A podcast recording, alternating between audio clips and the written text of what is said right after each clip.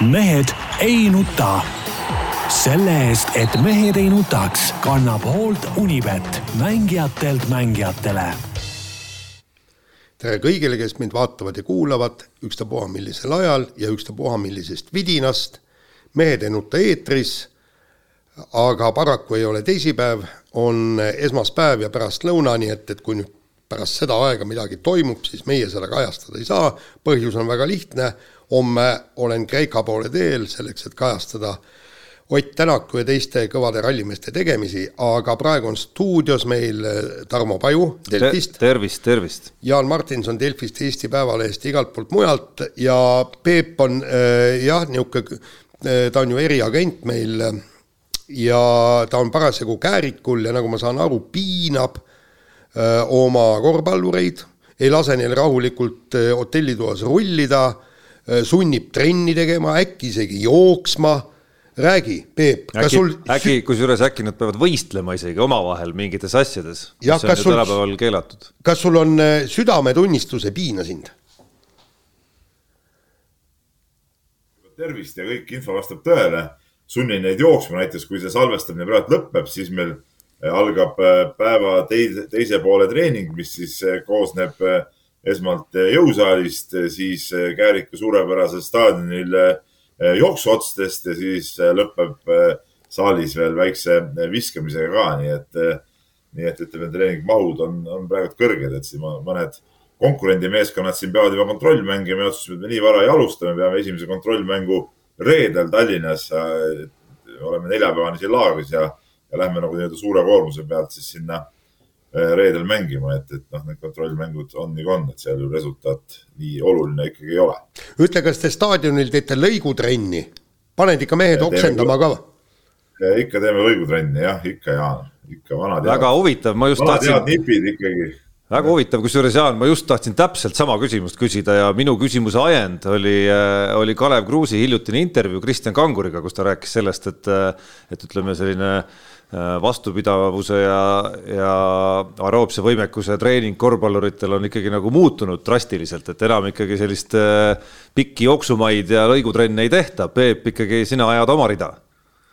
mina olen oma rida, ma, mis puudutab pikki jooksumaid, siis praegu seda kindlasti ei tee, küll aga niisugused vanad head äh, klassikalised sajad meetrid, kahesajad meetrid, ka neljasajad meetrid, et need, need tuleb ikka ära teha minu arust ja, ja need need on need asjad, mis, mis panevad hooajale aluse ja, ja ma küll ei, ei ütleks, kui sai ka eelmine aasta meistriga tasemel needsamad asjad ettevalmistus ära tehtud, et, et, et ütleme, kuidas ma ütlen siis, noh, et, et füüsis oleks meil kuidagi kehvem olnud nendest, kes, kes nagu ei teinud siukseid asju, pigem ma ütleks vastupidi, et, et ma saan aru küll jah, need tänapäevased asjad, et noh, tehakse seal koos pallitrenniga kõik need asjad ära, aga ma sellesse väga hästi ei usu, et, et ma, ma olen ikkagi seda meelt, et et ikkagi teatud jooksud tuleb, tuleb alla teha ja siis läbi hooaja intensiivse trenniga lihtsalt nagu seda, seda hoida, et, et äh, ma olen esiteks laagrite usku.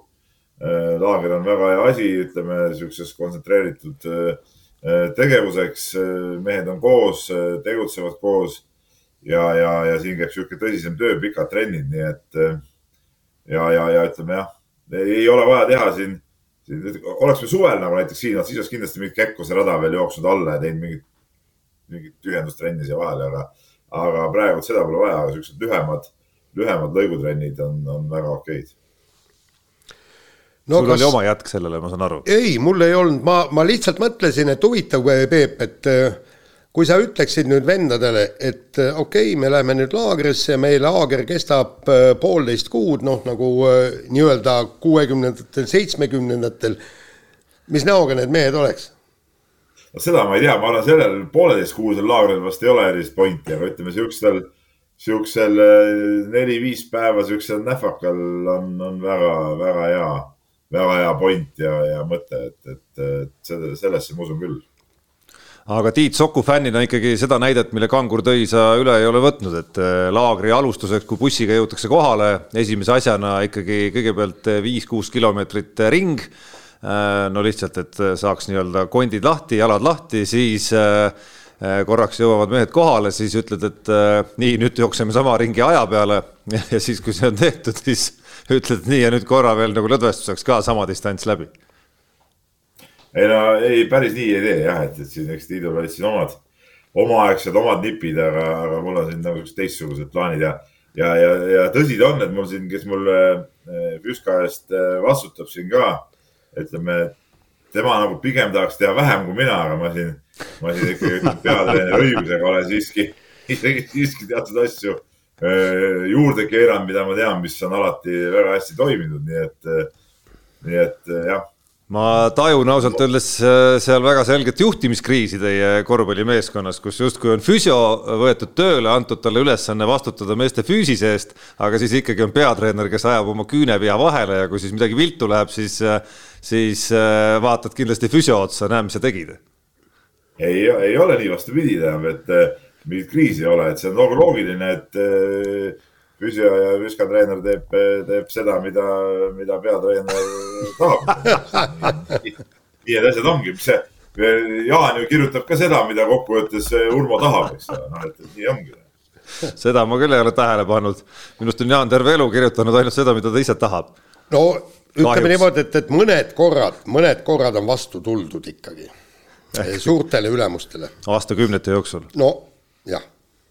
nii, aga paneme spordiga minema vist või? No paneme minema. ja võrkpalli EM on käimas ja Eesti sai üle pika aja võidu kätte. alustuseks kaotati Saksamaale Itaaliale null kolm, aga siis võideti eile Šveitsi kolm-kaks ja noh, olgem ausad, et vaatasin huviga seda, seda mängu ja, ja noh, tunne ei ole väga hea pärast seda võitu, kuigi mehed ise rääkisid, et, et Eesti võrkpallikoondis ei ole EM-il kaua juba võitu saanud ja ta-ta-ta, see on neljas võit üldse, aga vabandage väga, et, et poolamatööridest šveitslased, need oleks tulnud ikkagi maapõhja taguda kolmes game'is ja, ja nii, et, et vastastele ei anta üle kahekümne punkti aga paraku see oli täitsa hämmastav, kuidas Eesti koondis ära lagunes ja kuidas šveitslased selle pealt nagu üles läksid just kolmandas game'is, Eesti juhtis, mis ta oli, neliteist, üksteist. ja, ja siis veeres see rong hoopis teistpidi. Ja jumal tänatud, et lõpuks saadi ikkagi see võit kätte, et äh, Peep, kui palju sina seda mängu nägid?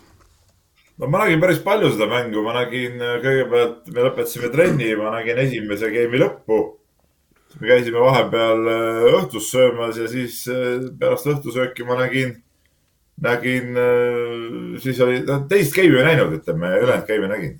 ja, aga no vot. ja, ja see mängu, mängu muutus ja see oli päris, päris üllatav nagu ja, ja vahepeal tundus nagu täiesti sihukest ka peataolekut platsi peal, aga, aga kokkuvõttes ma, Jaan, sinuga selle, selles suhtes ma nõus ei ole, pigem olen ma nagu nende mängijatega nõus, et et, äh, et noh, võit on võit ja kui sa EM-il saad, saad võidu kätte, siis, äh, siis nagu halba tunnet sellest äh, jääda ei saa, et okei okay,, jah, oleks pidanud punktide mõttes oleks pidanud selle võitma vähemalt kolm-üks, see on nagu selge, eks ole, aga, aga kokkuvõttes noh, on hea, et, et võit üldse kätte saadi ja ma arvan, et sellega, sellega peab ka rahul olema. mis mulle jäi nagu imeliku mulje peale jättis, oli meie enda Delfis olnud pealkiri, kus peatreener ütles, et nagu täna nagu tulemuse peale ei mindagi mängima, et, et et kas sellist signaali otseselt intervjuus peaks ikka välja andma? ja, ja kui, kusjuures me oleme ju Serbiat ju saanud aastaid tagasi, oleme punkti saanud, me oleme ju Venemaalt punkti saanud ja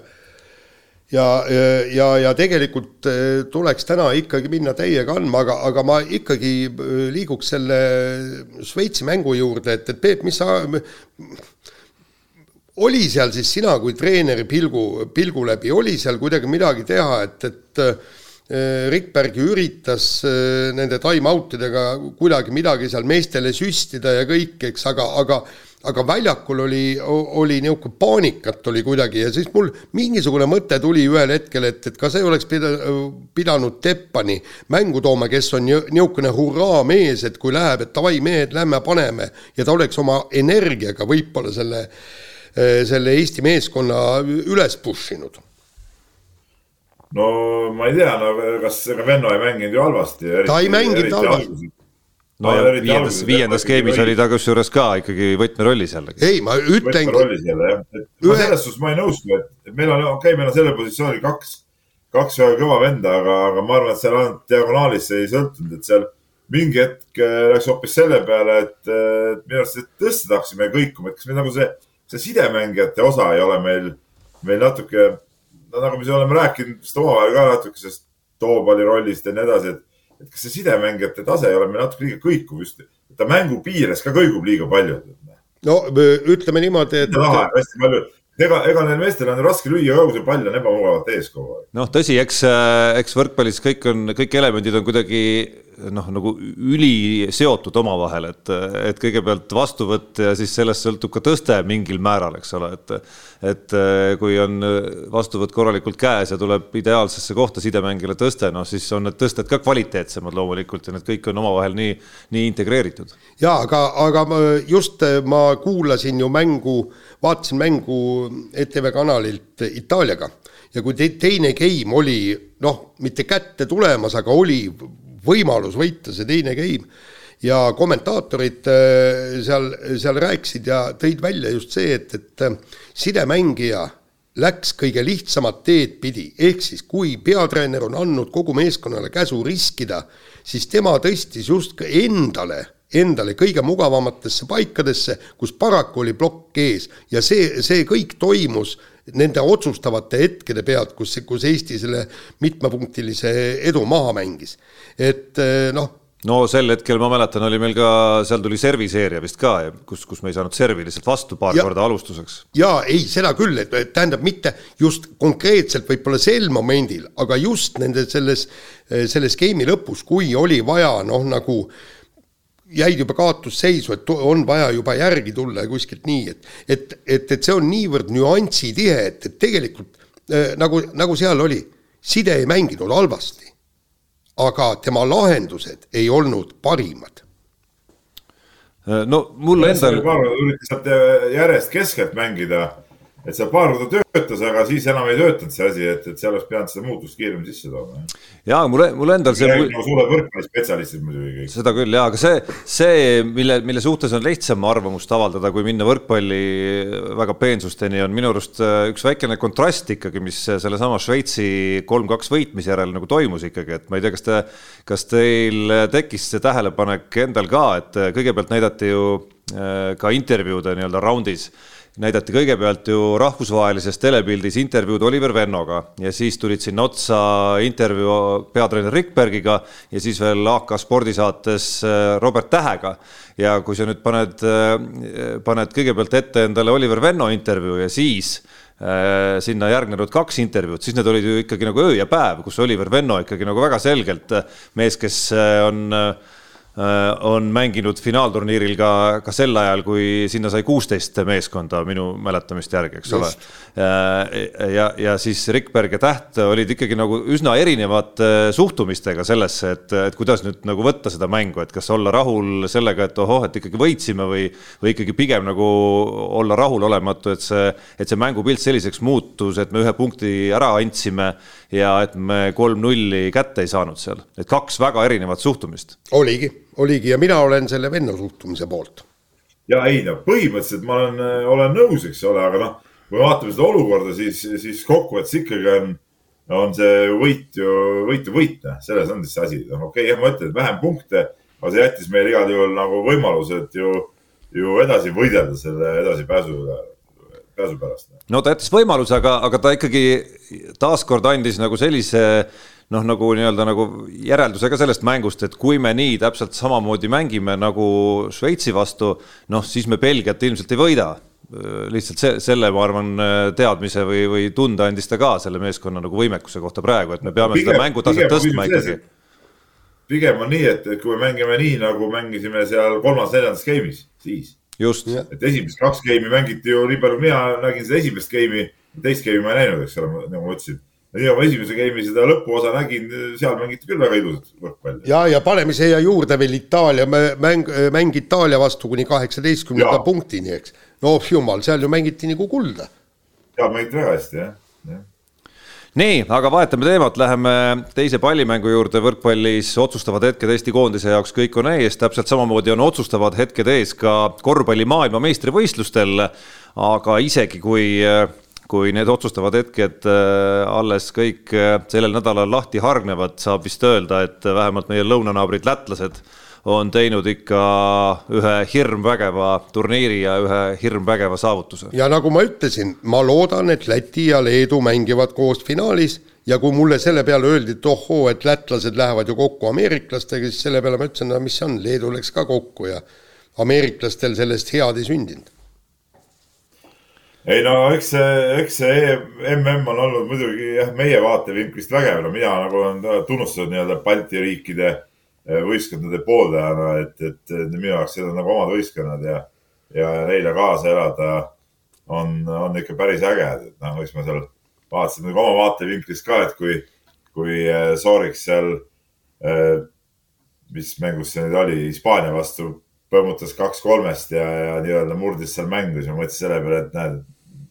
mees on siin Keila saalis ka käinud nagu põmmutamas, et noh, päris, päris, päris tore vaadata kohe.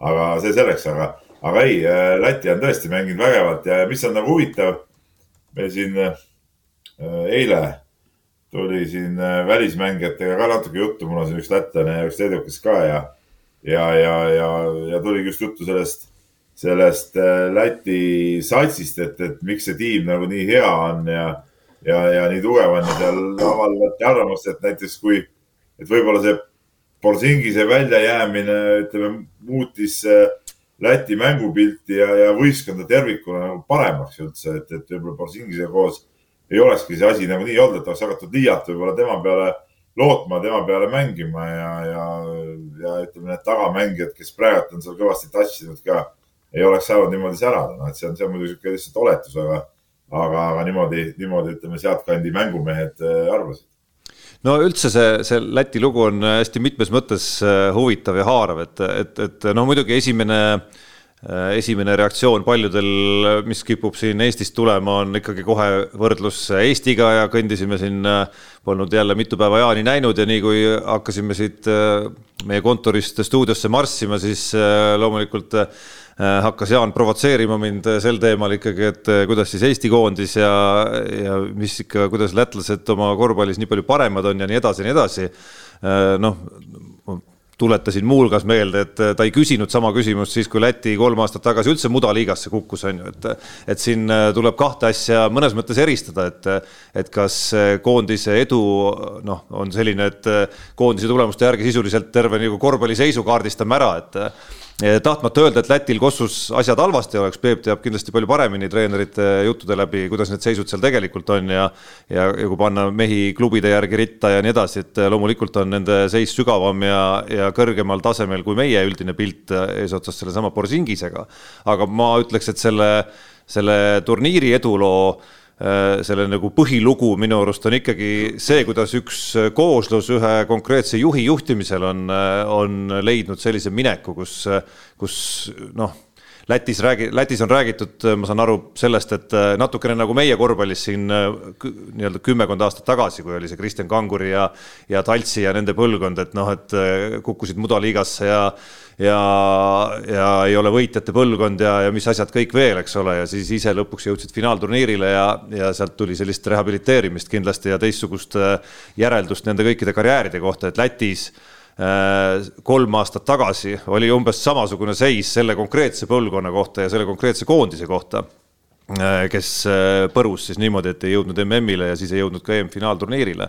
et see, mis on toimunud just nimelt selles nagu koosluses nimega koondis või rahvusmeeskond, mis on läbinud siin kõigepealt valikturniiri ja eelvalikturniiri uue treeneri juhtimisel, et et kuidas, kuidas ja mida see treener on seal teinud, et mingid mehed ka, ka isegi koondise akendes niimoodi mängima panna ja uskuma panna, minu arust see on see kõige maagilisem osa selle Läti edu juures praegu. ja no ma räägiksin ka paar sõna jällegi vestlesin inimestega, kes korvpalli veidi paremini tunnevad ja nei-, nende mõte oligi siis see ja jällegi vot nüüd kogu aeg tahaks ikka võrrelda ju, ju Eestiga ja ka seal, et Läti treener saab hooaeg läbi häid ja tugevaid mänge ja tugevate satsidega, ta teab, kuidas selle võistkonnaga töötada, ta teab, millistele nuppudele vajutada, ta teab, mida äh, tugevamate võistkondade vastu teha, millised võimalused on taktikaliselt kõik, äh, psühholoogiliselt kõik nii, ja seal toodi siis võrdlus siis meie Juka Toialaga, et äh, no tema ei saa nii kõvasid mänge, tema noh, palju ta üldse saab? et äh, sisuliselt koondise mängud ongi see ainukene koht, kus ta suuri kogemusi ammutab jah, no selle olulise nüansiga. segan sulle natuke vahele, et minu, kui ma õigesti nüüd mäletan, siis minu arust Luka Pantsi, kui ta tuli Läti koondise peatreeneriks, tal ei olnud ühtegi, ühtegi klubi, kus ta töötas, kas ta hooaja keskel, mitte, Tarmo võib-olla on parem mälu, kas ta hooaja keskel liitunud mõne klubiga? ja tal on olnud neid hetki küll jah, kus ta on äh, päris pausi peal ka, aga nüüd viimasel ajal on ta ikkagi olnud äh, klubides ka töös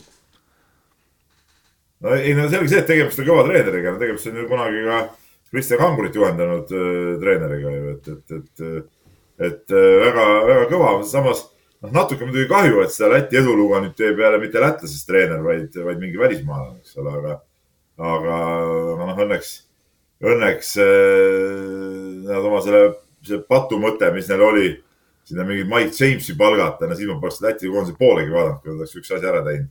Õnneks see ka läbi ei läinud, et, et, et mängijad on, on omad ja, ja, ja mängivad, mängivad tõesti hästi ja, ja ei noh, seegi see, et see treener on selle, selle meeskonna hästi mängima pannud ja on, on, ütleme, nende mängijate siuksed omadused, head omadused hästi suutnud esile tuua ja, ja, ja, ja seal on täitsa, täitsa, täitsa üllatavaid, üllatavaid ikka esiletõusjaid, et noh, see Artur Sagas, keda ma ise tean nagu lapsest peale Riia DSN-i meeskonnast ja, ja ta vastu päris, päris palju mänginud ise eh, noorteklassides ka, noh. Et ta nüüd niimoodi seal MM-il särama lööb, seda, seda ma ei oleks eh, küll uskunud, et, et, eh, et see on, see on täiesti uus, uus enesekindluse tase, mis seal sellest mehest välja pulbitseb praegu.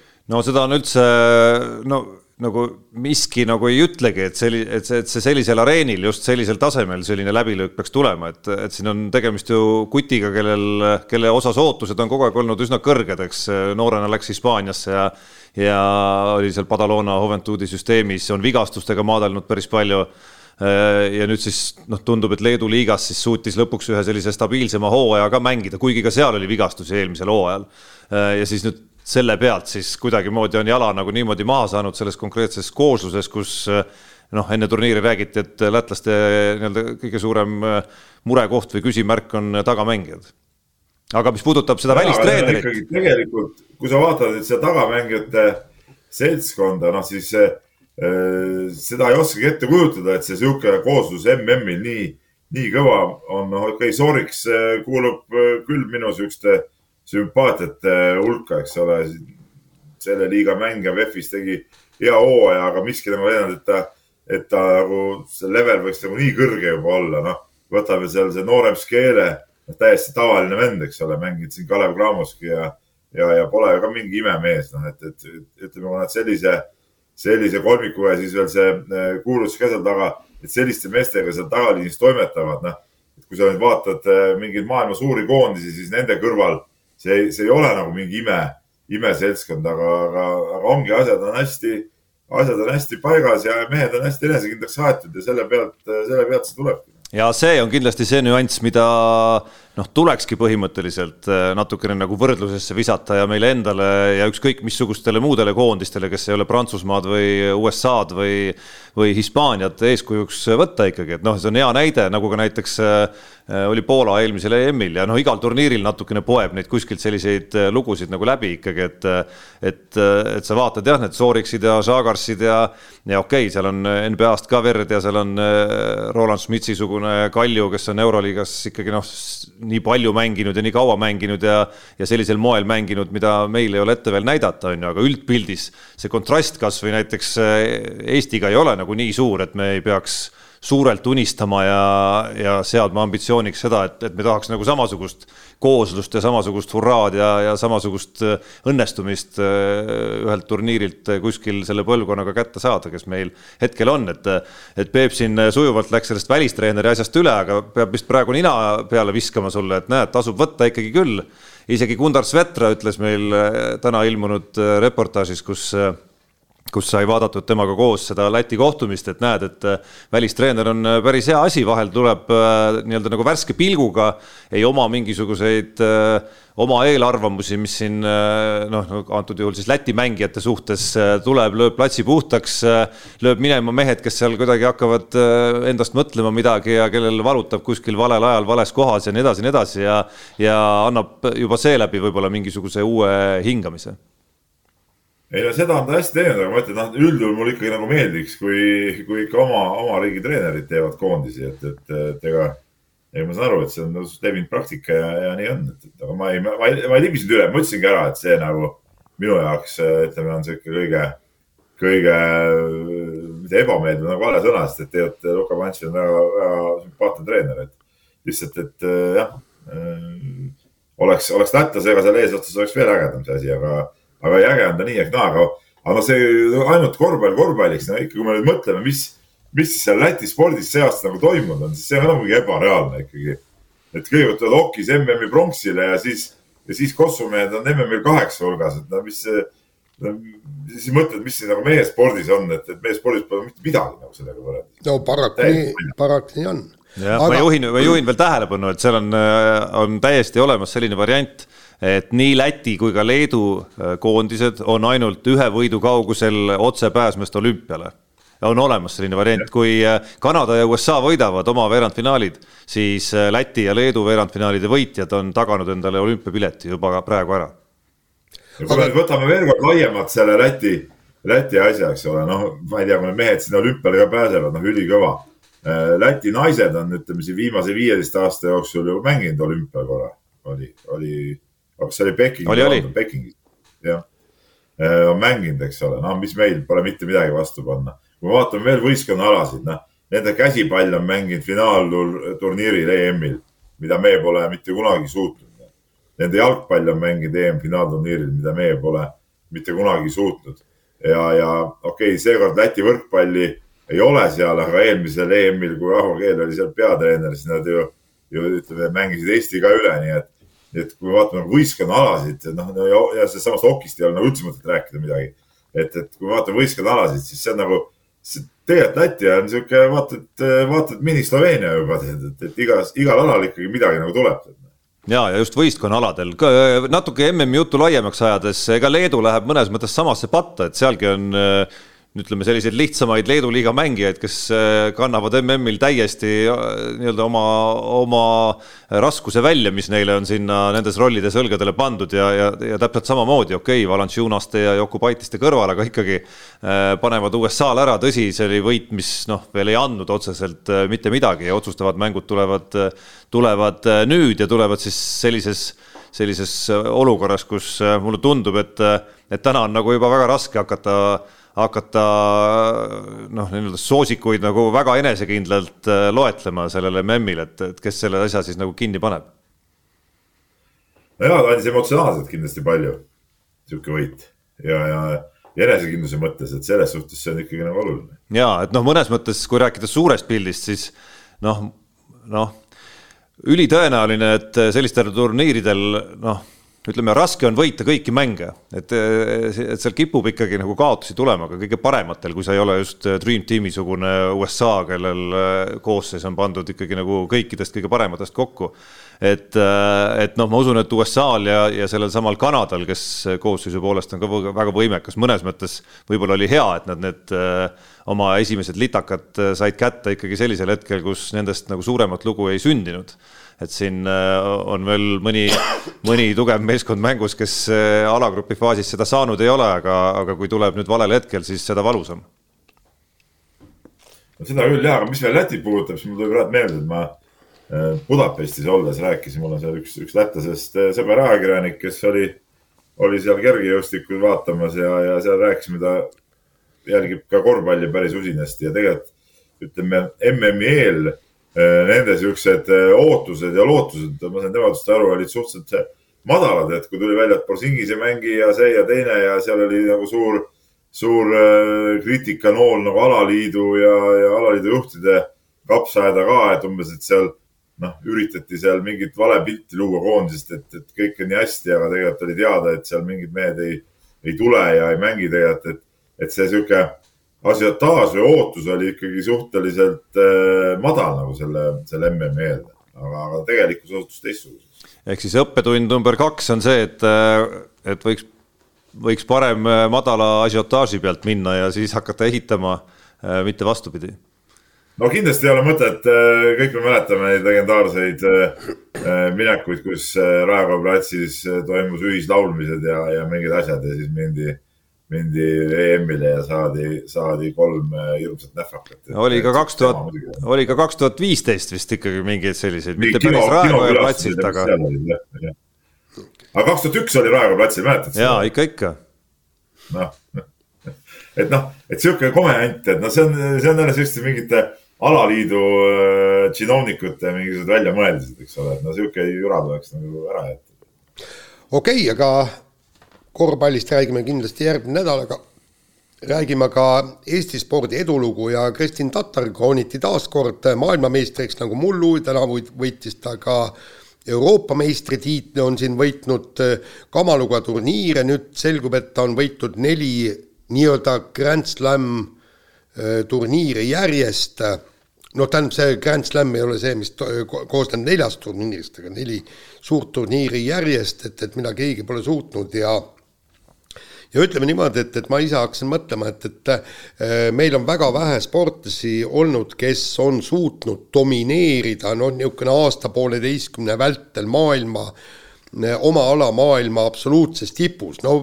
no Kelly Sildaru hakkab meenuma selles mõttes veel sarnase just, paralleelina, et, et ka selline uuem just. ala ja, ja ala, kus, äh, kus, kus ütleme jah, sellist äh, noh, on mingi selline väga konkreetsed kohad, kus seda harrastatakse ja kust üldse tipud tulevad. jaa, aga, aga ta ei ole võitnud kõige suuremat võistlust, ehk siis mis on olümpiamängudeks, seda ta ei suutnud. no ja ütleme, see aeg, kus ta valitses, oli natukene varem lihtsalt. jah, siis no Gerd Kanteri mingisugune periood, eks ju, et kui ta tuli maailmameistriks ja olümpiavõitjaks, eks no ja no, ma usun, Jaan, et kuskilt väiksematelt aladelt leiaksid sa kindlasti neid, sa ei mõtle neid praegu siin eetris välja lihtsalt. ei, ei, mitte olümpiaaladel. jaa, kindlasti, aga, aga neid, mis meile on niisugust tähelepanu pälvinud, kindlasti on need veemotosportlasi. jääpurjetajaid. ja, ja viimasel ajal ei ole enam. ei, ma mõtlen vanasti. jaa, vanasti oli ja kõik nii et aga ei oska selle kohta nagu äh, mitte midagi öelda, et, et see üle, ülemvõim on ikka niivõrd võimas, et lihtsalt esimesel päeval pluss viis järgnevaga ja siis isegi natukene äh, kätt väristades ikkagi ta suudab olla kogu aeg nii pikalt ees golfi mõttes, et äh, tema peaks noh, nii-öelda poole raja peal totaalselt ebaõnnestuma ja, ja vastane totaalselt õnnestuma selleks, et äh, Tatarist mööda saada, et noh, teisest Ei, klassist no,. no teisest klassist ja, ja väga, väga väge saavutus, ega mulle meeldib tegelikult äh, äh,, mis meeldib või no on, on tore jälgida tema neid, neid võite, eks ole, aga, aga noh, siin ongi see, eks see alal ja alal nagu ütleme, on ikkagi, ikkagi väike vahe sees ja ja, ja need saavutused on suurepärased, maailmameister, maailmameister, siin pole midagi nagu rääkida, eks ole, ta on Euroopa meister ka see aasta. ehk siis põhimõtteliselt ikkagi ala totaalne, totaalne valitseja, et, et aga, aga ma, ma, ma nagu päris ei suuda seda panna, noh, ma ei tea, võrdlusesse, nagu me siin üks eelmine saade vist ka rääkisime, võrdlusesse võib-olla mingi päris, päris olümpiaala, sihukese suure ala eh, maailmameistritiitliga, aga see muidugi nagu ei, ei, ei vähenda absoluutselt seda Tatari eh, võiduväärtust ja, ja, ja ma jälgisin siin neid Äh, MM-i päevadel ka ikkagi neid äh, kokkuvõtteid ja asju ja, ja, ja tema selle tulemuse dünaamikat ja võitlust seal selle ameeriklannaga, et, et, et see on iseenesest ikkagi väga, väga, väga põnev nagu, et, et. aga no väga kõva noh, aga see ongi huvitav, et kas see, rohkem mind huvitab nagu see, et, et kui nagu laiemalt vaadata, et kas see ala nüüd nagu areneb kuidagi niimoodi ka, et ütleme, neid riike ja neid, neid tippe tuleb, tuleb mujalt nagu ka rohkem või, või ta jääbki ikkagi, ütleme siin niisuguste üksikute kantside äh, pärusmaaks nagu, et see on nagu põhiküsimus. No üks vaidlus, mis kindlasti ees ootab aasta lõpus nüüd eriti vaikselt juba ajab juuri alla, on seesama arutelu, mis siin meil eelmises saates läbi käis, ehk siis aasta sportlase valimine tuleb lõpuks ja ja siis äh, ma arvan, et see saab olema üks kirglikumaid kohti seal, Jefimova, Tatar ja ja tegelikult MM-i kuuenda koha sai ka Tuuli Toomingas mäletatavasti. aga no praegu Jefimova ju MM-i alustas väga hästi ja läks MM-i, juunioride MM-i ja MM-i rekordiga läks viiekümnes meetris, läks poolfinaali, nii et, et vaatame, mis Jefimova teeb ja ja kui ta, no ma ise arvan, kui ta tuleb juunioride maailmameistrit, ta võttis juunioride EM-ilt kaks kulda hõbeda, oli siis kuues MM-il äh, äh, parimal puhul ja kui ta nüüd juunioride MM-i medaleid ka siit mõned äh, kaela saab, et siis on ikka tige lahing no ta ütleme nii, et no, nagu ma ka eelmine saade ütlesin, et no minu silmis nagu ei ole, ei ole varianti, et, et sellisel juhul Jefimov ei võidaks nagu seda. aga miks, aga miks ei ole? vaata. selles mõttes, et Jefi... selle olümpia taha ei saa ju ka lõputult pugeda, et siis ei saaks ka Ott Tänak ju lõpuks konkureerida. ükskõik kellega, kes mingil olümpiaalal saab. jaa, aga vaata, vaata, Jaan, tegemist on klassikalise olümpiaalaga no,, veel kord, nagu ma eelmises saates ütlesin, ujumine on klassikaline olümpiaala, seda ei saa võrrelda see on sihuke võrdlus nagu tobe, no see, me teeme selle jutuga praegu äh, Tatarile ka liiga, mida ei taha inimesed teha, noh. aga, aga neid, neid asju ei saa niimoodi äh, lihtsalt võrrelda no,. klassikaline olümpiaala. okei, okei, oota, lihtsalt intrigeerimise mõttes, kus see piir siis jookseb, ütleme, kas Jefimova kaheksanda koha puhul sa juba hakkaks mõtlema või kümnenda koha puhul? Äh, no kümnenda koha puhul ma kindlasti mõtleks, küsimus on praegu olümpiaala finaali jõudmises. Noh. ja, ja Tarmo, teine asi on see, et, et ühel alal ühel alal, eks, on sul sada, sada kuuskümmend, sada kuuskümmend riiki on stardis ja kui me vaatame, äh, kui me vaatame, kui lai see ala on ja kui palju riike võidavad medaleid, siis see on üle maailma ala, absoluutselt. vot see on see, tähendab, ma olen täiesti, oleksin Tatari poolt äh, siis, kui meil oleks ka, seal on niimoodi, et mm tähendab seda, et igast riigist saab võib-olla kaks-kolm parimat sinna, võib-olla isegi mitte nii palju, eks noh, sinna ei mahu lihtsalt. kolm on, kolm on spordiklassika, et ühest riigist kolm tükki, noh. ei no nagu jaa, aga kui on sada kuuskümmend riiki, siis tuleb MM-il pidada kõigepealt kvalifikatsiooniturniirid ja, ja siis veel finaalturniir ja kõik, noh no üks, äh, minnes sellest äh, arutelust ja vaidlusest välja, siis, äh, siis üks selline sümpaatne koht, mis pärast kajastuses silma jäi ja mis natuke iseloomustab vist või no mis, mis minu arust äh, kuidagi kas noh, tõstab veelgi või, või, või näitab nagu väga hästi Kristin Tatari olemust, oli äh, siin, need olid intervjuud ja laused vist, mida ta seal kohalikule meediale või, või väljaannetele ütles pärast võitu, aga aga noh, ta on ju ka huvitava karjäärikäigu läbi teinud, et äh, suusatamises proovis kunagi ja lõpuks leidis siis sellise, sellise käigu oma, oma karjäärile, sellise elukutse endale ja sellise koha, kus pürgida maailma parimaks ja ta ei olnud seal kohe nagu nipsust esimesest päevast. ei hakanud äh, sellisel moel valitsema seda ala, eks, et on pidanud kõvasti tööd tegema, on nüüd jõudnud siia ja see lause, mis mul meelde jäi, oli see, kus ta ütles, et äh, et kunagi ma mõtlesin, et kui esimese tiitli kätte saan, et noh, siis aitab küll ja siis lähen vaatan nagu mingit nii-öelda uutele jahimaadele kuskile ja midagi muud elus. aga et äh, siis vastupidi, tekkis motivatsioon saada veel paremaks ja, ja täiustada siis enda mängu veelgi ja, ja tundub, et ta on aastaga teinud seda ikkagi päris kõvasti, vaadates, kuidas ta võitis nii EM-i kui ka nüüd maailmameistrivõistlused. just, eks siit näeb, ega siit ei olegi paremaks, on väga raske saada siit paremaks kui sa oled juba üsna täiuslik, sa ei saa, ma ei usu, et oleks võimalik, et sa võtad kaheksateist rada ja viskad igal pool pöödi. ei no Euroopa meistrivõistlustel mäletad, noh, skoori mõttes oleks ta saanud olla noh, nagu lihtsa vaevaga nii-öelda oleks saanud kümmekond viset parem olla, mõeldes, mis ta viimasel päeval tegi ikkagi no,, selles jah. mõttes on täiustada päris kõvasti ikkagi no,. ka no, vaimses mõttes. no jaa, aga kui ta oleks teinud need kümme äh, viset perfektselt, siis oleks ju võistlus kaotanud üldse mõtte, teistel ei ole, ta on Tatar suudab äh, kolme päevaga teha parema skoori teised no neljaga. aga see, et sul on see motivatsioon, see on kõva. lihtne oleks jääda kuidagi niimoodi nii-öelda noh, kuidagi nii-öelda peesitama siis sellele tasemele, kus ma niigi tegelikult võidan enamik võistlusi. nii, aga meie vahetame teemat, hüppame korvpalli, noortekorvpalli ja noh, tegelikult natukene nagu laiema äh, noortespordi teema juurde minu arust, kus eriti huvitav äh, on siin kahe saatekaaslase mõtteid kuulda, kes on treeneriametit kas pidamas või kunagi ka pidanud. ehk siis üks Eesti suuremaid spordiklubisid, SK Nord, seal toimus pereheitmine, kus korvpalliosakond, mis kunagi oli siis Soku korvpallikool, lõi sealt lahku, asutati oma klubi Sokud, mis asub koostööd tegema BC Kalev Cramoga Äh, ja, ja see oli päris huvitav lugemine, et, et mis selle taga siis täpsemalt oli, kus mõlemad osapooled rääkisid minu arust äh, ja andsid mõtteainet, ma arvan, kõikidele lugejatele, ehk siis kus korvpalli pool leidis, et äh, korvpallitrennid peavad olema korvpallikesksemad ja, ja klubi üldfilosoofia pigem oli, et need peavad olema pigem mitmekülgsemad. ja Kossu meestele see ei sobinud ja, ja niimoodi siis lahkuminek aset leidis no tegelikult ma ju olen sügavalt selles teemas nagu sees olnud, eks, et, et noh, kunagi ammu noortetreenerina, siis kehalise kasvatuse õpetajana kõik, kõik nii ja ma mõtlesin ka seda kõike läbi, et et ma, ma ei tea küll detaile, ma ei tea täpselt, et, et, et mida nüüd üks ja teine osapool tegi ja mida ta nõudis täpselt ja aga et see on täpselt, täpselt see, et et kaalu, on kaalukausid kuhu panna, tegelikult on mõlemal õigus. õigus on kindlasti Nordil, sest mitmekülgsus arendab ja, ja, ja, ja siin, nagu me seal rääkisime, ma olen siin spordiarstid kõikidega, kõik nemad on toonud ja, näiteks selle jalgpalli. et kui laps mängib ainult jalgpalli, siis ta arendab ainult jalgpalli mängimise lihaseid, eks ta ei oska põhimõtteliselt no nii-öelda oda visata, kivi visata, ta ei oska, ei suuda teatud muid asju teha, suusatada kõik käed, käed nõrgad, kõik muud niisugused asjad, et peaks olema nagu mitmekülgsem. Samas jälle nagu äh,, nagu ütles ka äh, treener Uwe Hendrik äh, korvpalli poolt, eks äh, lahkujatest, tema ütles, et, et korvpall ongi multisport ja mis on ka mõneti õigus ja ta ütles ka, et, et noorest peale peab kõvasti tegema tööd, et teatud oskusi arendada.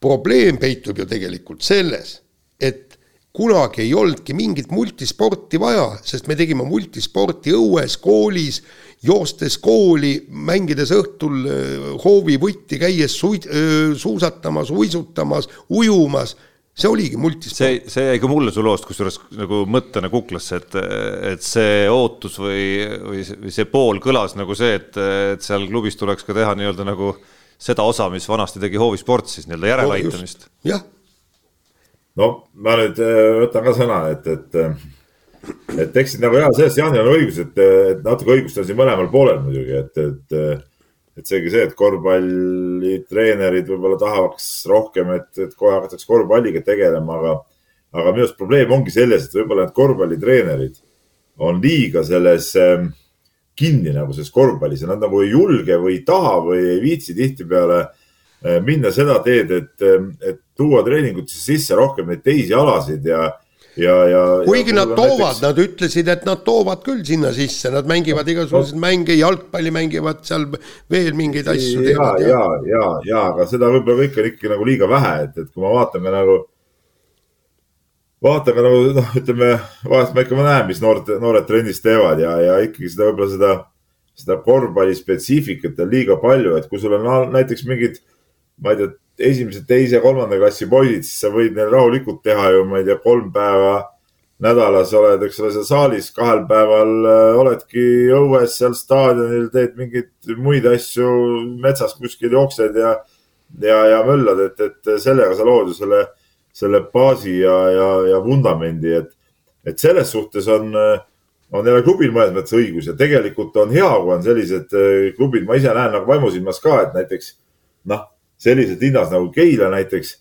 no võib-olla ei peaks olema need spordialad kõik eh, igaüks päris omaette killustunud, vaid, eh, vaid võiks olla ka nagu kuidagi nagu, kuidas ma ütlen, nagu rohkem, rohkem ühtne ja koostegevus ja, ja siis sealt vaadatakse, et, et, et ma ei tea, mul on siin äge, äge sihuke pikk poiss, kes võiks ikka nagu kossu tulla, no siis ma ei hoia teda, teda vägisi seal eh, kuskil kergejõustikus või, või mingis sihukeses kohas, et, et, et kui see on üks süsteem, siis saab neid, saab neid sportlasi niimoodi liigutada ja kui sellest nagu selle konkreetse alale nagu midagi negatiivset ei tule, kui ta, kui ta mõne sportlase ära annab, et ta ei kaota rahas midagi, noh siis, siis seda tehtaks ka julgemalt, et, et, et teatud nagu sihuke idee on selles, selles Nordi asjas olemas, aga minu arust Nord nagu ajas selle jälle teistpidi nagu keeras nagu vindi igatepidi üle, et, et ma nagu nagu nende praeguse tegevusega, nii palju kui mina sellest aru saan, ka nagu nõus ei ole, et, et noh, mingi sihuke jura, et sa teedki siin iga päev mingit äh, eri asja või, või, või noh, see ei ole ka nagu päris õige asi, et, et, et see suunitlus, kui ikkagi laps tuleb kossu trenni, siis, siis see koss on nagu number üks, aga lihtsalt julgemalt peab võtma sinna teisi alasid juurde ja, ja kui selles klubis on rohkem alasid, siis lihtsalt peab julgemalt ka, ka nende alade vahel olema seda koostööd, et see on, see on nagu minu mõte jaa, aga vaata, sealt tuleb jällegi järgmine asi, vaata, sul on väga, väga õige mõte, kui on suur klubi, siis me saaksime ju eh, tegelikult tõesti äh, nagu ühendada. aga Nord oligi niisugune suur klubi, kus oli palju alasid tegelikult. nii, aga, aga paneme nüüd mis paneme..., mis lapsevanemana on nagu kõva pluss, eks ole, kui sa lapse Just. sellisesse kohta saad panna, kus tõesti väga lihtne on on kuidagi algul tegeleda paljude asjadega ja siis suunduda konkreetsemalt millegi peale. ja, ja kusjuures suunduda võib ka hiljem, kui me võtame, kes see oli, Karel Tilga ju mängis jalgpalli alguses ju. korvpalli ja jalgpalli. ta mängis jalgpalli, ta mängis korvpalli. just, aga ja. selgub, et ja, ja, ja vaata nüüd, kui, kui halb oleks olnud, kui see Tilga ei oleks leidnud kuidagi mingil moel seda kergejõustikut olekski korvpallurile Tampind jõudnud võib-olla Eesti liigasse. no kust sa tead? ei, no ma ei tea, aga, aga see võimalus on, eks. Gerd Kanter samuti mängis korvpalli, eks. ja no Margus Metstak tuli üldse põhimõtteliselt nagu sportliku noorena ja, ja jõudis Euroopa tasemel mängima. kuueteistaastaselt jah, et, et, et selles mõttes suures klubis peaks olema treeneritel endal silma Äh, peaks olema äh, juhtkonnal ka niisugust laiemat nägemist, et sa käid ja vaatad, et no tore korvpallipoiss, et tahab hirmsalt teha, aga talle sobiks mingisugune muu ala. et see oleks ju täiesti normaalne ta kuidagimoodi nii-öelda äh, patsutada õlale, kuule, aga mine proovi äkki seda. seda, ja, seda ma ju, seda ma ju räägingi, täpselt sama asja ma ju rääkisingi. jah, jah, see on muidugi õige, see on muidugi õige, aga, point lihtsalt selles, et et, et kui laps tuleb trenni, siis ta tuleb ikka mingisse konkreetsesse trenni, mitte mingisuguse, et, et jumal teab kuhu, et, et, et mida, mida me siis teeme siis täna, eks ole. ja, et noh, ma olen. tuleb ikka kussutrenni, aga kussutrenn kätkeb endas ka seda, et sa teatud päevadel tehakse muid asju, noh, väga, väga loogiline ja lihtne. et ma olen kunagi oma lasteaia vanuses poisi tegelikult viinud alguses äh, korvpallitrenni ja siis jalgpallitrenni või oli see vastupidi, ma enam ei mäletagi, et et noh, tegelikult tehti seal, üks oli Audentes, teine oli Flora, et noh, seal tehti loomulikult, ma olin seal kõrval vahel ja nägin, noh, seal tehti tegelikult ju nagu kõike loomulikult nii väikeste lastega, aga jah, selles ütleme, selles kõige tegemises oli päris tihti oma nagu alaspetsiifika ikkagi juures, jalgpallis võib-olla vähem, et seal sellist äh, nii-öelda jalgade ja palli tagaajamist ja sellist oli nagu rohkem, aga Kossus ma mäletan nagu väga hästi, et seal ka need nii-öelda muud mängud, noh, olid kaude mingite väikeste detailikestega alati kuidagi toetasid mingit elementi siis noh, kas söötmist või, või viskamist ja põrgatamist lihtsalt eh, ka korvpallimängus, isegi kui see ei olnud konkreetne nagu korvpalliharjutus. ja, ja, ja, ja siin tahaks öelda just eriti lapsevanematele ja no ma ei tea, millised need tänapäeva lapsed on, aga kui ma vaatan kasvõi seda oma lapselaste pealt, kes tegid äh, lapsena sedasamust iluvõimlemist ja ujumist kui paljud ja kui pikad need trennid olid, no ujumistrenn oli okei okay,, see oli ujumistrenn, eks, aga aga, aga, aga see kestis, kestis tunde jõusaal enne ja seda ka väiksest peale. lastel on piiramatult palju energiat ja, ja, ja see, et, et sa teed kolm-neli trenni nädalas, seda on kahtlemata vähe. seda on Peep, Tarmo, minagi mäletan, mina käisin ju omal ajal kaheteist, kolmeteistaastasena kahes trennis. hommik oli kergejõustik, õhtul oli korvpall noh, mitte igal hommikul, aga, aga käisin, käisin kergejõustikutrennis ja kaks kilomeetrit joostes trenni, kaks kilomeetrit koju, sõid kõhu täis, läksid kilomeeter kooli, pärast kooli korvpallitrenn ja, ja jumal, energia ei kadunud kuhugi. nii, aga võtame järgmise teema. ja kuna ma olen minemas Kreekasse, siis on õigustatud küsimus, kas Ott Tänak võidab Kreekas ja kas ma saan talle hurraa, hurraa hõigata ja karjuda. no ise küsin, ise vastan, peaks siin praegu olema ikkagi rubriik. no ja Jaan muidugi, Jaan, Jaan ei oska midagi vastata, sest et no ja sina Jaan kindlasti oskad. no sina oskad. Jaan seda ralli asja tead ei jaga ju mitte üks raha ei no et, et, ütleme niimoodi. mina ka ei oska, mina ka ei oska ja ma võin sulle ütelda. jah, aga, aga see jutt tähendab jällegi, M-sport hakkas kohe push ima ja ütles, et meil on väga hea auto Kreeka ralliks sellel põhjusel, et eelmine aasta Sebastian Loeb äh, juhtis rallit enne, kui tal midagi seal jällegi juhtus, eks. et, et aga me ei saa võrrelda Sebastian Loeb ja Ott Tänakuga, sellepärast neil on sõidustiilid erinevad, nüüd vahepeal on ju kõik teised tiimid ka suutnud oma autot arendada ja nüüd võtta eelmise aasta pealt malli ja hakata ütlema, et, et meil on nüüd võiduauto, noh, see ei ole ka päris õige. Ja, ja samamoodi räägitakse ju, et Toyotale ei sobi see Kreeka ralli üldse, eks kui me vähekenegi sõidame, siis, siis paneme neile pika puuga, on ju, ka nii ei ole, noh.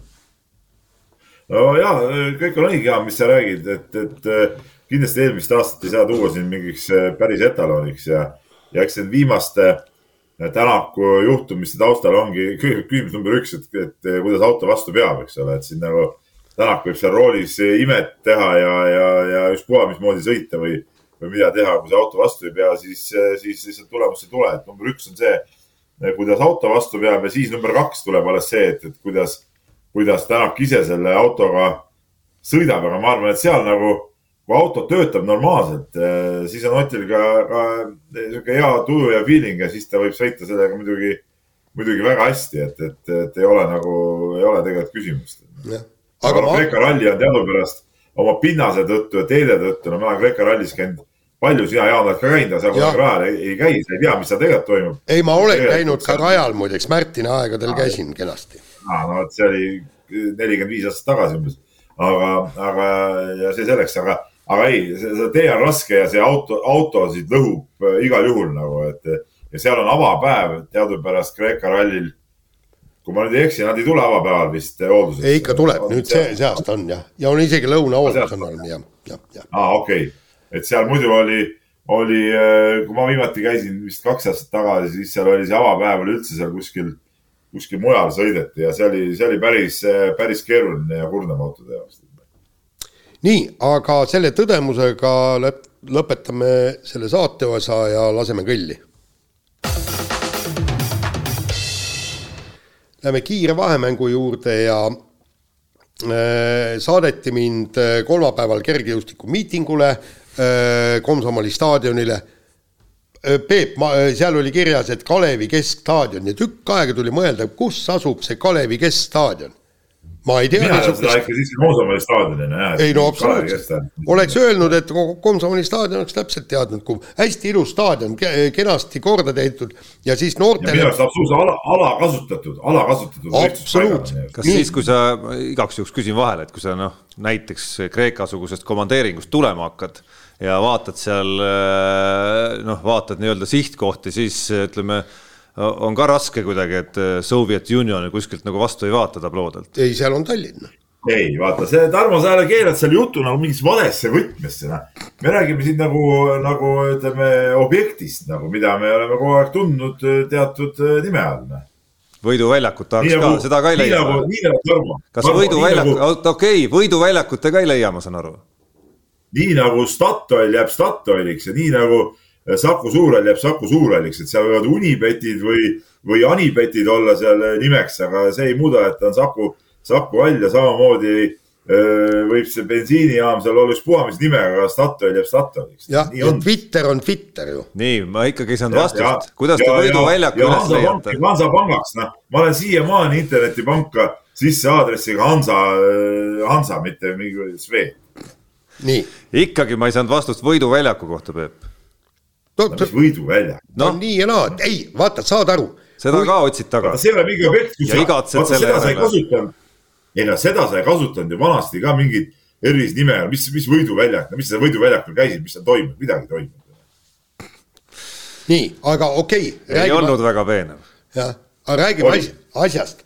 Läksin kohale, äh, äge võistlus, kõik kõvad sprinterid, kümme-null jooksnud mehed ja, ja noh, ütleme muidugi see kettaheitekamp oli eriti kõva, eks, et aga okei okay,, see selleks, see oligi põhimõtteliselt, kus olid, Tšehh oli kohal ja Stahl ja kõik maailmameistrivõistlus kuld, hõbe ja kõik, kes, kes seal veel olid, olid toodud kohale naisodaviskad MM-i viies ja, ja ja vist oli kas kaheksas ja kõik, et ainult keda ei olnud oli Eesti sportlased ja see oli tegelikult hakkas piinlik ja piinlik oli kõigil. ma ütlen ausalt, et ma oleks tahtnud sealt minema jalutada, aga vastu tulles võistluste korraldajatele Mati Lilliallikule ja kettaheitjatele kes korraliku võistluse püsti panid. muidugi me, ma jäin paigale, no mis asi see on? Suur korralik võistlus, kus saab reitingupunkte koguda, okei okay,, olümpia suhtes ei ole need reitingupunktid ilmselt määravad, nad on nii väiksed, aga EM-i suhtes kindlasti. ja meil on stardis üks naiskaugushüppaja, üks meeskaugushüppaja pluss äh, Risto Lillemets, kes tuli siis nii-öelda keha tegema Äh, siis äh, paar, äh, paar sprinterit, odaviskaja, üks odaviskaja, kes nelikümmend viis meetrit kätte sai, Kedli tugi pidi tulema, loomulikult ei tulnud, pidi olema, Nazarov pidi üritama kahesaja meetri isiklikku rekordit, loomulikult teda kohal ei olnud, eks, kõrgushüpe jäeti üldse ära, sellepärast et üks sportlane läks teemant liigale ja teised ei viitsinud kohale tulla, no andke andeks, noh korraldatakse korralik ilus võistlus, publikut oli ju, publikut oli.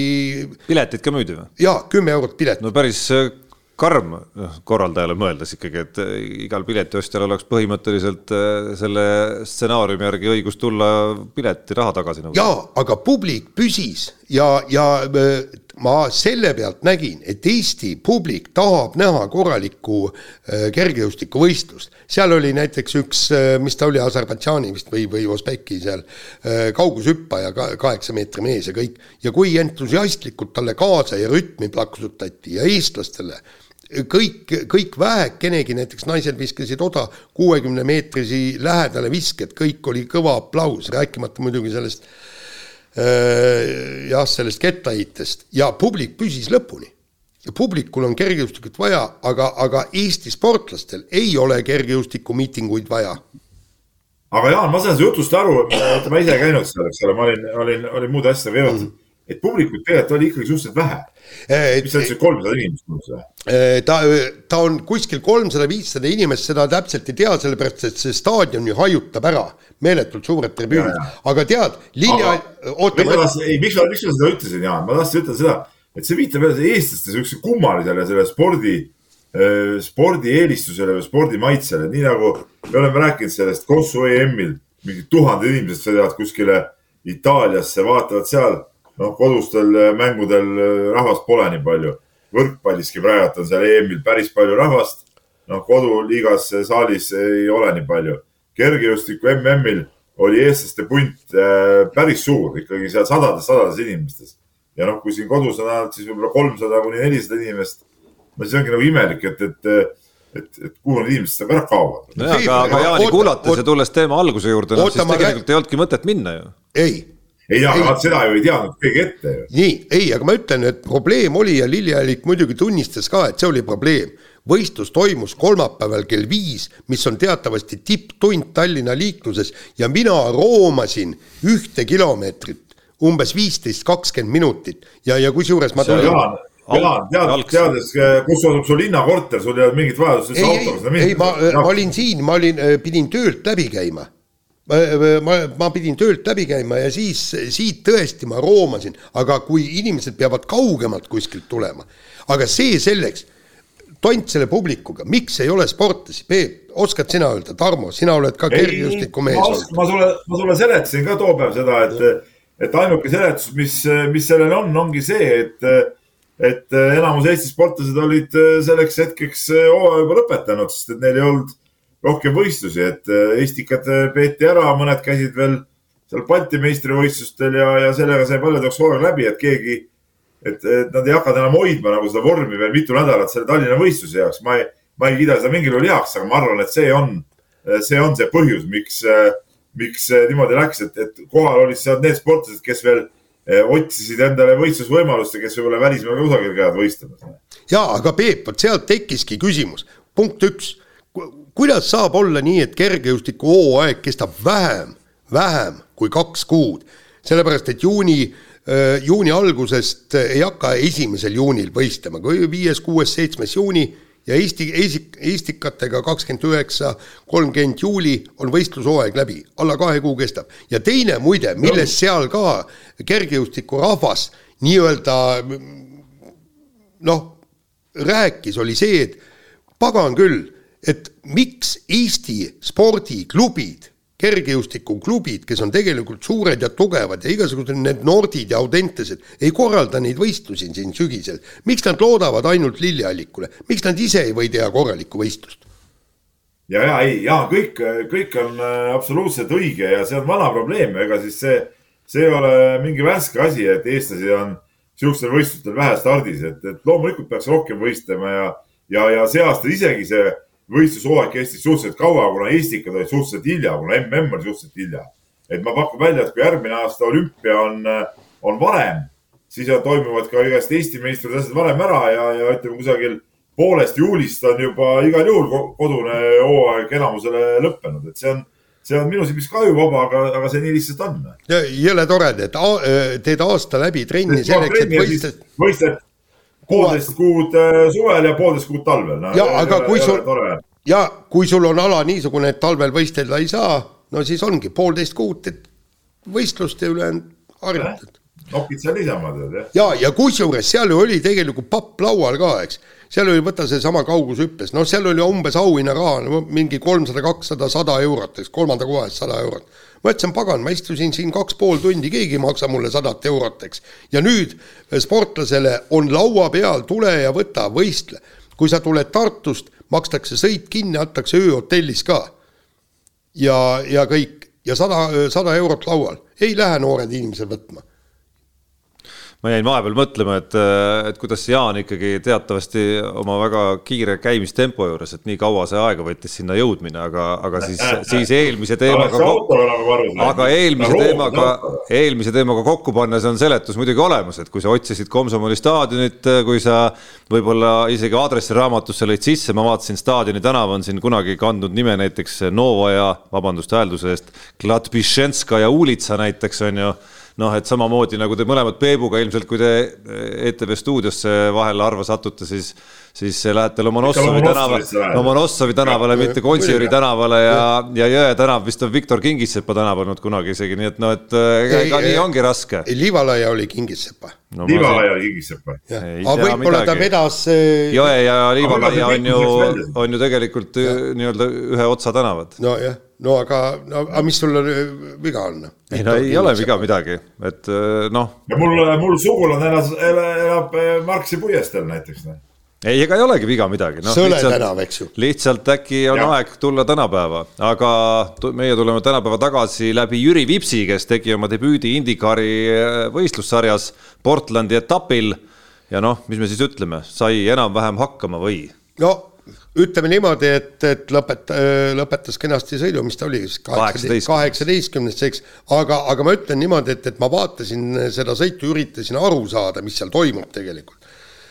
ja ikka tegelikult selle alaga tuleb ennast kurssi viia, see on hoopis teine maailm kui vormel üks, et et, et kus stardivad ja tiirutavad ära, lühike ringrada, sada kümme ringi uhavad, juba sõidu alguses hakkas see kommentaator rääkima mingisugused mustad rehvid, punased rehvid, et mis nende vahe on, seal oli kõik nii, siis see, seda toimus seal rajal nii fucking palju, et, et ma, mina, vana inimene, ma ei suutnudki lõpuks aru saada. ühel hetkel vaatan, eks. ja siis see... kurdad ja siis kurdad, et F1 on igav, see on just sobiv võistlus sinusugusele kus no, ei toimu no, liiga palju, kõik tundubki. on selge juba poole maa peal. ja tundubki nii ja seal oligi siis tähendab see Vipsi tiimikaaslane, kõik startis esimesest, esimesest stardikohalt, kõik kenasti, kõik, ühel hetkel vaatan, põmm, vend on mingi üheksas. tähendab, no kas sa kujutad ette, eks, et Verstappen sõidab, eks, ja siis paari-kolme ringiga kõmm, üheksas ja, ja noh, seal oli veel, aga, aga mis ta on, noh, pea,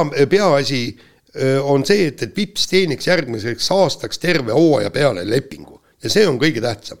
ja see ongi hinnang, see, kas see kaheksateist. ta sõitis, sõitis ju avakohta päris hästi ju tead. ja võitis kõiki ruukisid.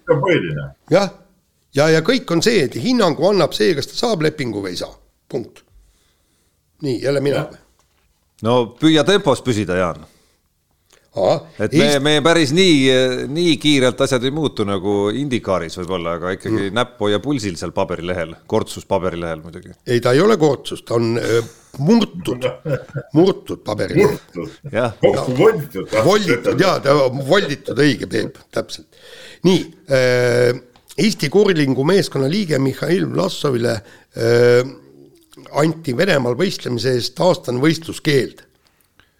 see on punkt üks, et noh, ajuvaba värk, et, et minna ja nüüd Venemaal võistelda ja kõik teada, kuidas need asjad siin käivad. sest ta, sest ta võistles, ma saan aru, Eesti, Eesti lipu all ja Eesti koondise riietuses. no just, noh. no okei okay., tegelikult no ega ei saa sellest kurlingust ka alati aru, aga siis on, teine asi on see, et mis see kurling siin süüdi on? no täitsa, täitsa tore ala ju. ei no ei, vaata, seal on see oht muidugi, et see mõistuse jäätumine, noh. nii palju jää peal, no mõistus jäätub ära, noh, siis sa lähedki Venemaale võistlema. nii, aga teine asi on äh, palju laialdasem, on see, et, et Eesti otsustas koos Läti, Leedu, Poola ja Ukrainaga äh, boikoteerida Brüsselis toimunud Euroopa võrkpallikongressi, sest sinna kutsuti äh, ka ja lubati ka, et Venemaa ja Valge, Valgevene alaliidu esindajad ja kui ma äh, kuulsin selle Euroopa Võrkpalliliidu tüübi põhjendusi, siis ta ütles, et ei, me oleme kõik kooskõlas ROK-i ja rahvusvaheliste reeglite asjadega, kõik, et kõik on täiesti okei okay ja, ja, ja nii need asjad on, et et, et noh, siin ma ei no, oska küll midagi öelda. olgu selle kurningu mehe, kuidas on, eks ole mm., no ega lollus ei anna häbeneda, onju, ja seal karistus on kõik õigustatud. see, see on niisugune nagu väike, ütleme, kõrvaline juhtum, see võib-olla mind nii väga ei paelu küll aga, et kas te mehed panite tähele, kui vähe oli äh, siis neid, kes, äh, kes selle võrkpalli asja vastu protesteerisid, vot see on nagu, see on nagu see mõttekoht või, või ohukoht, et kui seal on ainult kolm Balti riiki pluss Poola ja noh, Ukraina ise ka, no siis see on ikkagi ju, seal nagu jõuõlga nagu pole üldse tegelikult. ja, ja see on nagu murekoht tegelikult. ja, ja kus sa öö, panid tähele, eks, kõik on ju piiririigid, piiririigid Venemaaga ja, ja aga ja. kus oli Soome küsimus, kus oli Rootsi? ei no seal kõik, kogu, kogu Euroopa, eks ole, et, et, et see nagu, see oli nagu väga, väga halb signaal, ma korra mõtlesin, kui, kui see uudis käis kõigepealt enne läbi, et, et öeldi, et kui nüüd venelased tõesti tulevad, kui oli info, et nad tulevad, onju. et siis, siis me protestime, lahkume, siis ma mõtlesin kohe selle peale, et, et, et see on nüüd nagu see indikaator, et kui paljud siis sellega kaasa tulevad, et see näitab nagu ära, et, et, et kas kas neid venelasi ikkagi hakatakse vaikselt eh, noh, nendega nagu harjuma või nende tagasitulekuga nagu leppima või siis ollakse väga printsipiaalselt selle vastu, aga see, kui, kui väike see nii-öelda koalitsioon oli, kes sealt ära läks, see näitab, et, et tegelikult eh, selle Venemaa tagasituleku vastu võitlus on sisuliselt, eh, sisuliselt juba kaotatud. ja seal ma saan aru, et seal küll käib mingisugune väga peenmäng kuskil nagu taustal veel lisaks, et seal teemaks on vist uh, uue CEF-i presidendivalimised ja ja mingisugused väga segased skeemid seal serblasest, president on seal vist, kes, kes kes tahab hirmsasti tagasi saada valitud ja, ja siis kuidagi käivad mingid tohutud mängud seal, et võib-olla Äh, annaks äh, võib-olla nagu mingi järgmine faas selles nagu Venemaa ja Valgevene teemas seal natukene juba mingisuguse teistsuguse vastuse, et mingi väga tähtis hääletus oli vist samal ajal seal ka, aga, aga natukene on see pilt segane, et see, millele sa tähelepanu juhtisid, et neid riike oli nii vähe, äh, hämmastas ausalt öeldes kohe selles esimeses uudises ikkagi, ikkagi nagu mind täpselt samamoodi, et noh, alates Soomest kuni ikkagi nagu allapoole välja neid Ukraina toetajaid on ikkagi Euroopas rohkem, et et äh, ei ole, ei ole äh, Serbia ja, ja, ja taoliste riikide suhtumine valdav ikkagi. Tarmo, aga sa ju näed, me oleme siinsamas saates ka rääkinud. praegu enam ei ole mingit probleemi enamus riikidel võistelda võistlustel, kus on kohal ka venelased ja ei ole ka mingit probleemi võistelda nende vastu. ehk siis minna matile või vehklemisrajale või nii, ei ole mingit probleemi ka pärast seda venelastel kätt suruda, eks no mõned ei tee vehklejad on ju, eks Ukraina vehklejad ja see, sellest tuleb skandaal, teistel, teistel on kõik sama. Ja, ja savi ja, ja nii ta lihtsalt loksubki paika, keegi ei viitsi sellega jamada, ah, las nad tulevad ja võistleme ära ja nojah, et eh, eks me jõuame teistpidi ka sinna tagasi teemasse, mis on meil endal aktuaalne ja, ja, ja mingis mõttes ilmselt võib-olla liigub Kaja Kallasest kuskile laienduste suunas ja ongi liikunud, et, et sportlastel me loeme siin ju näpuga noh, ikkagi nagu järge, eks ole, Vlassoveid ja kõiki, eks ole, ja, ja, ja, ja sport mõnes mõttes sellises järjeajamises minu arust on isegi nagu eesliinil praegu. samal ajal on Eesti täis ettevõtjaid, kes ei näe mingisugust probleemi Venemaal ikkagi nagu suurte äride endiselt ajamises ja, ja, ja nagu noh, ütleme ükski reegel ja, ja ükski spordiseadusele sarnane või spordialaliitudele sarnane mehhanism neid ei, ei takista ka, nad isegi ei pea vajalikuks kellelegi aru anda selle kohta. no jaa, aga paraku nii olgu nad naiste pesumüüjad või mingid jumal teab mis toorainete müüjad. no kuule, raha ei haise ju. nagu näha. nii Henri Sildaru ja teised Eesti freestyle suusatajad on endiselt hädas, teema, millest on varemgi juttu olnud. Spot of Tallinna kompleksis maandumismatid on vanad, trikke korralikult õppida ei saa.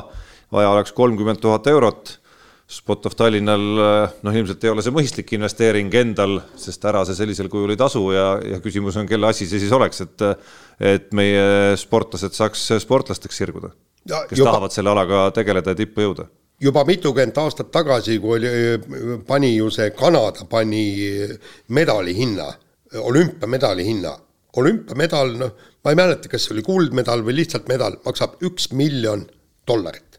ehk siis nelja aasta jooksul tuleb investeerida üks miljon dollarit selleks, et võita üks medal.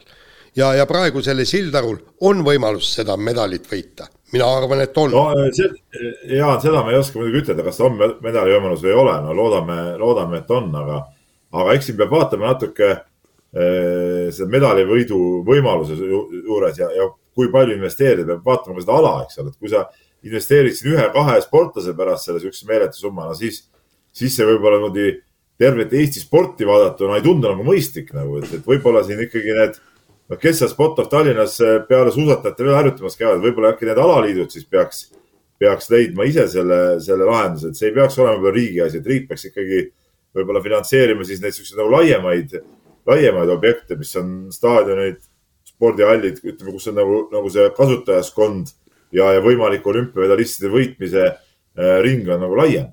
Peep, ma, ma saan aru, kui me räägiksime miljonitest või kui me räägiksime sajast, kahesajast, kolmesajast tuhandest, me räägime kolmekümnest tuhandest ja, ja arvesta seda, et, et meil on ju tegelikult peale Sildarude on veel mõned, kes, kes võistlevad, kes on tõesti võistlussportlased ja esinevad juunioride noorte äh, tiitli, tiitlivõistlustel, eks lumelaudurid on kõik, kõik see ka, eks.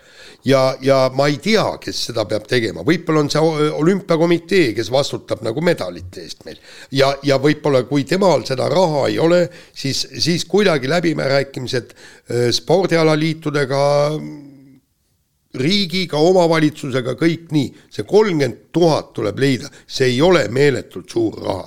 Äh, palju sul läks? ei ole meeletu summa, sellega ma olen, olen küll nõus, et see, see ei tundu nagu selline summa, mille taha nüüd peaks jääma ma ei tea, Henri Sildaru olümpia ettevalmistus, et see, see oleks nagu naeruväärne ja, ja ajuvaba. ma rääkisin nagu, nagu suuremas plaanis, et üleüldse nagu tegelikult, et, et kuidas, kuidas neid sedasama Spot of Tallinnat nagu, nagu laiemas plaanis nagu üleval hoida ja, ja finantseerida, eks ole, et, et kelle, kelle asi see peaks olema, et, et aga, aga selge see, et kui praegu on küsimus mingis kolmekümne tuhandelises äh, hüppematis, kuhu maanduda, no siis selle, selle raha peaks, peaks ikka leidma muidugi.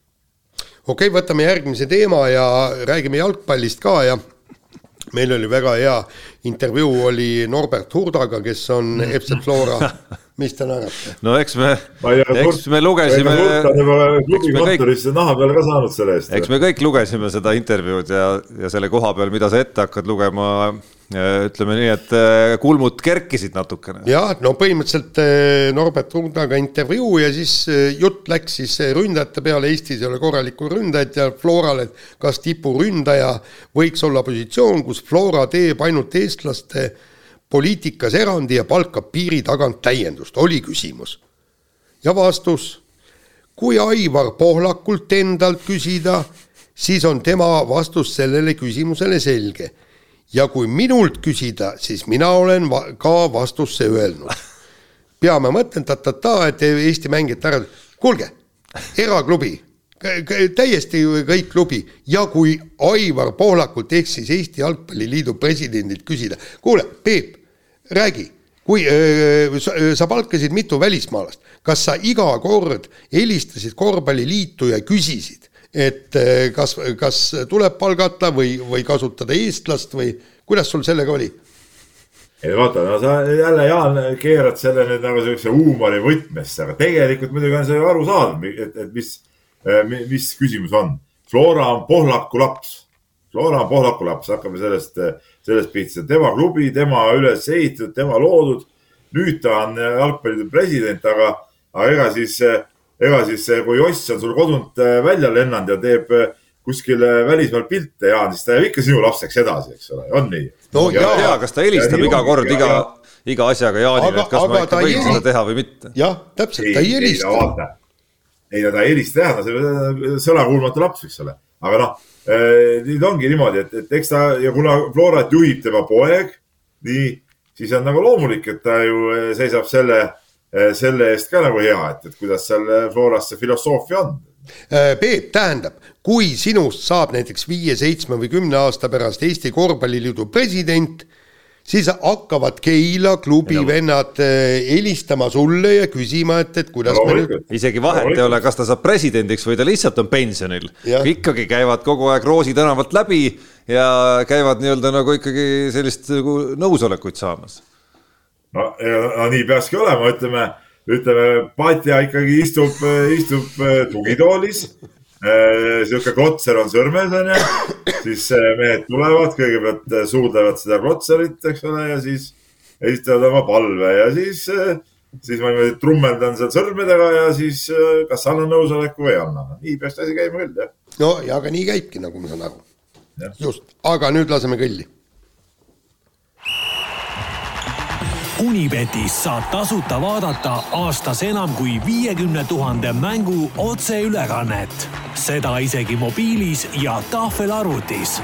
Unibet, mängijatelt mängijatele mis sa, Tarmo, naerad? no vaatasin, kuidas Jaan voldib oma selle voldiku kokku ilusti seal. see on peaaegu nagu origami juba. jaa, vägev, vägev. Äh, kahtlustan, äh, Peep, et sinu selle nädala Tšehhi lauatennise võistluste seiklused on veel ees alles. ei no teate nii, et praegu tuli see kõll, siis mul tuli meelde, et Aisa, Aisa pagan no. Unibeti osa on ka siin saates ja täna jäi see tegemata. no sul on võimalus. äkki nad mängivad ei no võib-olla nad mängisid praegu ka, aga ma ei tea, ma ei ole vaadanud isegi no see tekitab huvi kohe, niikaua kuni Jaan räägib, kuidas tal läinud on, siis. ei, mul ei ole läinud, tähendab, äh, ma mõtlesin siit, kuhu, mille peale pa äh, panna, tegelikult oli sebimist ka üsna palju, aga eelmine kord, kui ma sain selle kuradi, ma näpud nii kõrvetatud see, et, et selle paganama ma panin äh, Lätiga, mis ta oli, kaotuse peale, eks ja, ja siis äh, kõrvetasin näpud ära, siis ma tegin nädalase pausi, aga nüüd ma panen äh, kindlasti Ott Tänaku võidu peale Kreekas. ikka, ikka, äh, just sellest kavatseme me ka eripanuse Mehed ei nuta egiidi all püsti panna, minul ei, ei läinud ka hästi. Panin Sloveenia, Austraalia mängu ajal, siis kui Austraalia oli seal sügavas kaotusseisus, et nad tulevad välja ja võidavad selle mängu, aga seda ei juhtunud nii et jäin oma rahast ilma, aga Peep, sulle võin öelda, et äh, Tšehhi liiga pro seal tegevus ei peatu. Äh, hetkelgi on seal Adolf Hutl ja Petr Jochim on äh, mängimas oma mängu, mis ta siis on, viies game vist, game on vist korrektne öelda jah ja.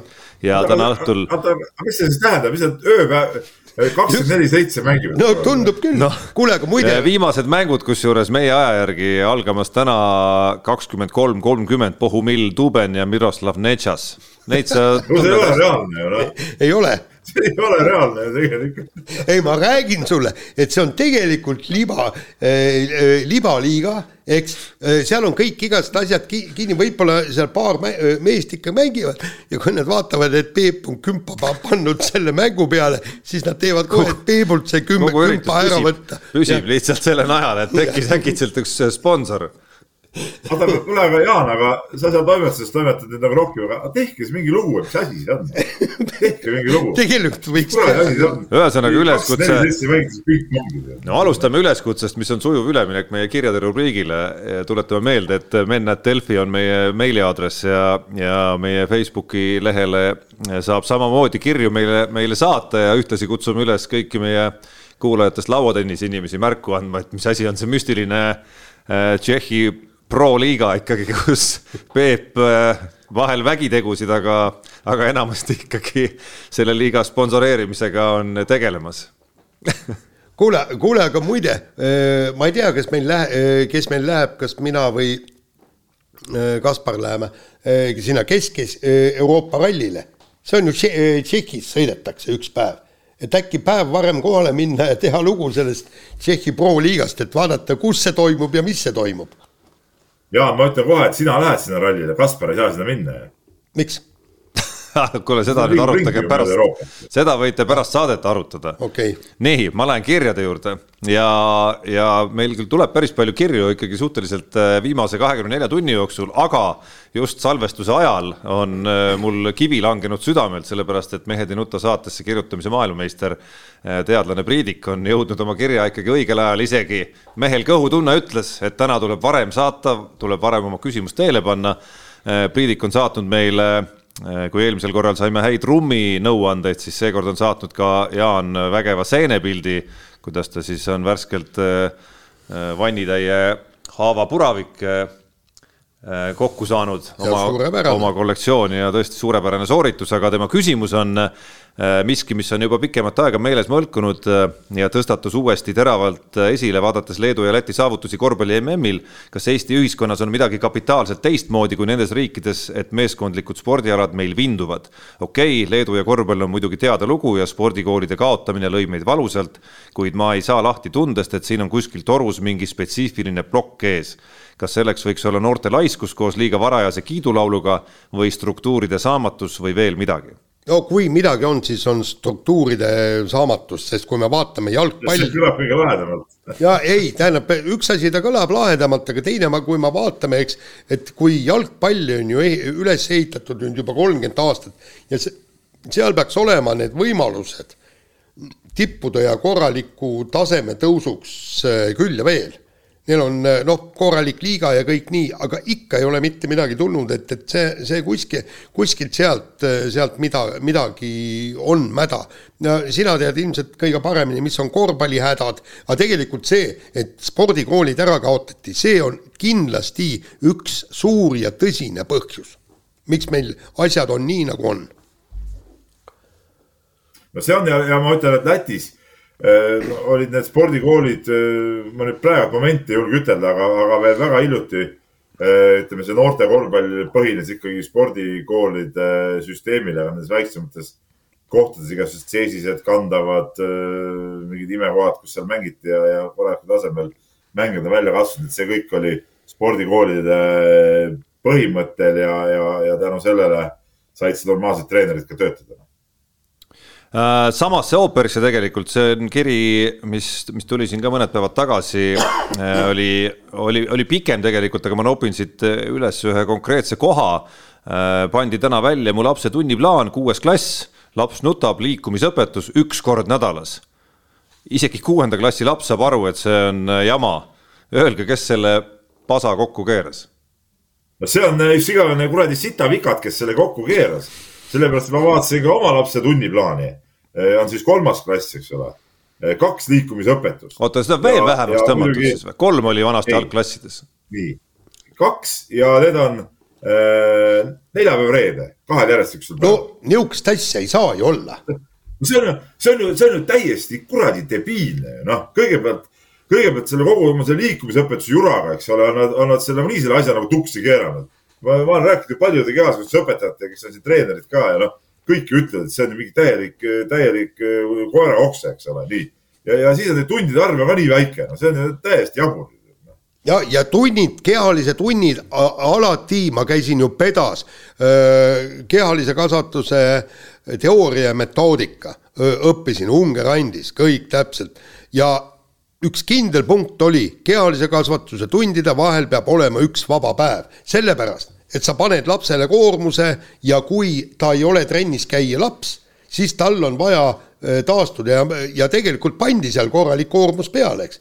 kui laps läheb ja, ja kui on jooksutund või suusatund, paneb seal oma, äh, tõesti jookseb seal oma kolm-neli-viis kilomeetrit ära, kui ta pole harjunud joos-, jooksma, järgmine päev ei tohtinud mingil juhul kehalisi tunde olla nii, aga et Peep ei jääks nüüd äh, oma trenni treenerina hiljaks, siis peame me siiski joone alla tõmbama, kuigi siin äh, paar küsimust jätame Peebule endale siis järgmiseks nädalaks veel ja need, mis tulevad, äh, tulevad meile vahepealsel ajal veel, enne kui Jaan ütleb lõpusõnad, siis ütlen mina sõnad, et jälgige meid Delfi taskus, Spotify's, Apple'i ja Google'i podcastides. ja mina ütlen, et, et Kreeka salat ja ouso on tulemas. juhuu mehed ei nuta. saate tõi sinuni Unibet, mäng